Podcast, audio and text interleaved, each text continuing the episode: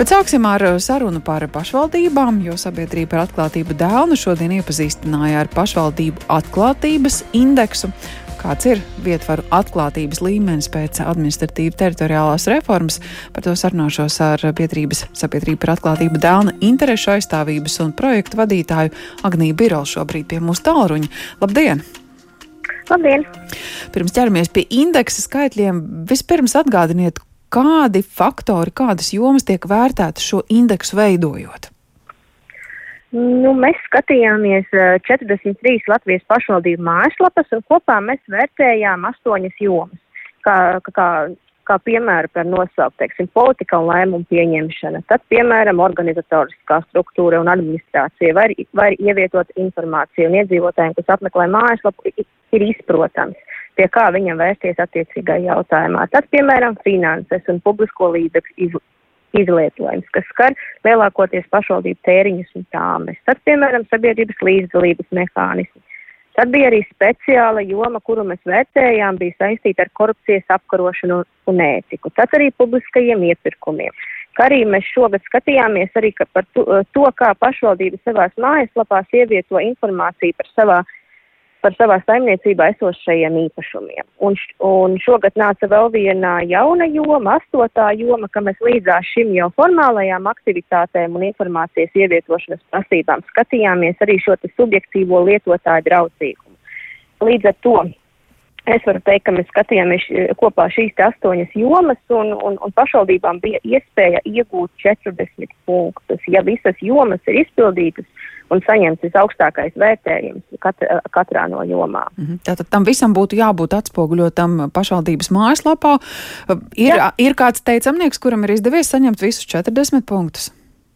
Nu, šobrīd ir jāsaka tā, ka pašvaldībām tas rādītājs ir tāds viduvējs. Ja augstākais punktu skaits ir 40, tad pašvaldības lielākoties ir tajā amplitūdā, kas ir 15,5 līdz 22 punkti, kas tādā atzīme izteiksmē nozīmē, ka pašvaldība saņem kādas sešas balvas. Un augstākais rezultāts ir 23 punkti, kas tādā arī atzīņu sistēmā nozīmē, ka tā pašvaldība saņem 7 punktus.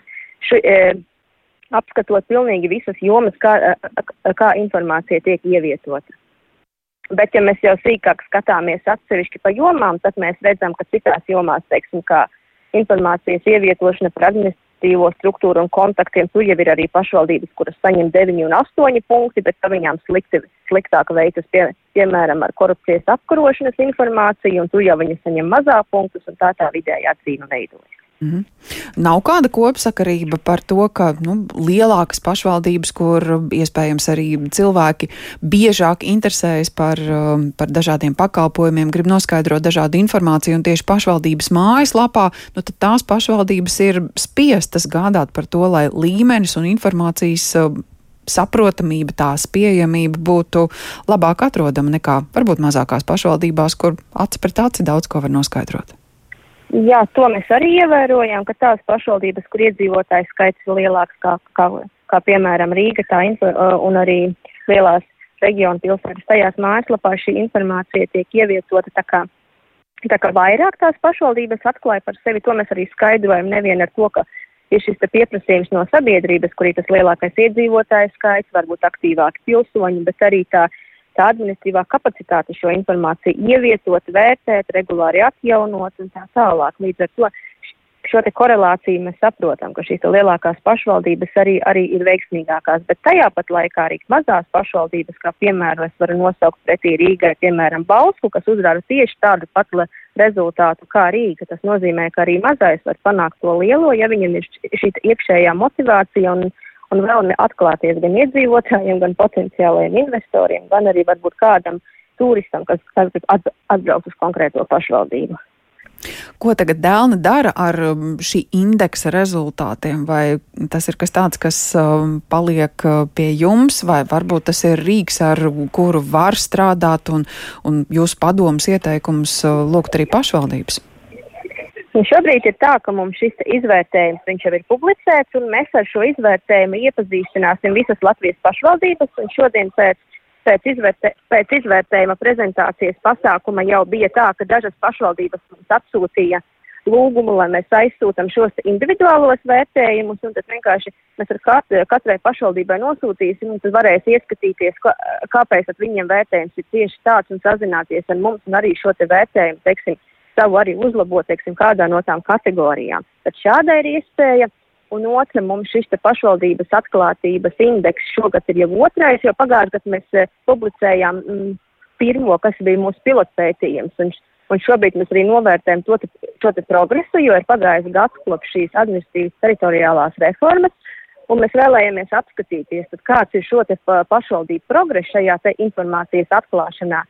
Un arī paskatīties, kāds tas ir progress tagad un, un, un, un, un vai pašvaldībām būs kādi izaicinājumi, piem, piemēram, kas stāsies spēkā jaunais pašvaldību likums, vai arī saima pieņems jauno lobēšanas likumu, kas arī pieprasīs lielākas atklātības prasības. Vai, vai, vai tas, kas ir sasniegts tagad, ir, ir, ir kaut kas tāds, kas viņam viegli tās jaunās prasības ļaus pieņemt, vai arī tomēr būs jāpacīnās un arī, un arī, un arī kaut kas jāpārveido.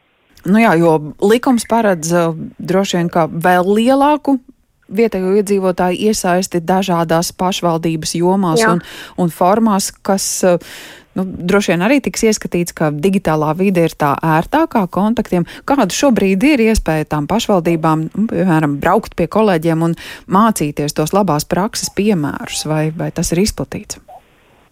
Nu, par to labo praksi, kā pašvaldības brauc viena pie otras un mācās, diemžēl to es tā pateikt nevarēšu. Varbūt ir Latvijas pašvaldības savienība vairāk varēs kaut ko noment, nokomentēt, bet mēs esam vienmēr atvērti un mēs esam rīkojuši šīs apmācības pašvaldībām pēc tā pirmā pilota pētījuma, kur mēs prezentējām gan pētījumu, gan pēc tam vadlīnijas, gan atsevišķi ar katru pašvaldību un kopā ar vairākām pašvaldībām arī.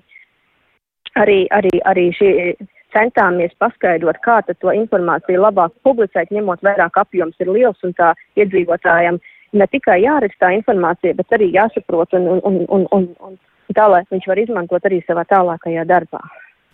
Nu, re, pakāpeniski attīstoties, paliksiet tik pie interneta mājaslapas vērtēšanas, vai ņemot vērā, ka sociālajie tīkli mainās un arī paudzes mainās, katram varbūt kāds cits šķiet ērtāks informācijas saņemšanas veids, nav jāliek klāt arī um, Facebook, Instagram, šīs platformas, kā arī saziņas kanāli.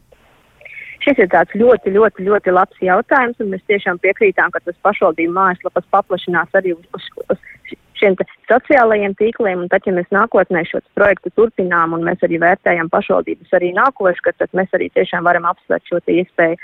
Jo, pašvaldi, jo arī tas jaunais pašvaldību likums uzsvērs to, ka pašvaldībai nav jāprobežojas vairs tikai ar savu mājaslapu, bet tā var izmantot arī visus citus savus komunikācijas kanālus, lai tikai nonāktu tuvāk tam iedzīvotājiem. Tas ir Facebook, Instagram vai arī vai arī kāds cits mm. rīks. Mm. Kas arī, protams, ir saistīts ar pašvaldības kapacitāti. Tas nozīmē, jā, atkal jā, jā. būt. Paldies par šo informāciju, saku Agnijai Birulai, biedrības sabiedrība par atklātību dēlna, interešu aizstāvības un projektu vadītāji bijām aicinājuši pie tālru, ņemot vērā, ka šodien dēlna iepazīstināja ar pašvaldību atklātības indeksu. Atklātības indeksu mājaslapā var šo informāciju aplūkot un pašvaldībām iespēja iegūt um, vērtējumu, savu konkrēto vērtējumu, lai to analizējot, arī plānotu tālāku rīcību.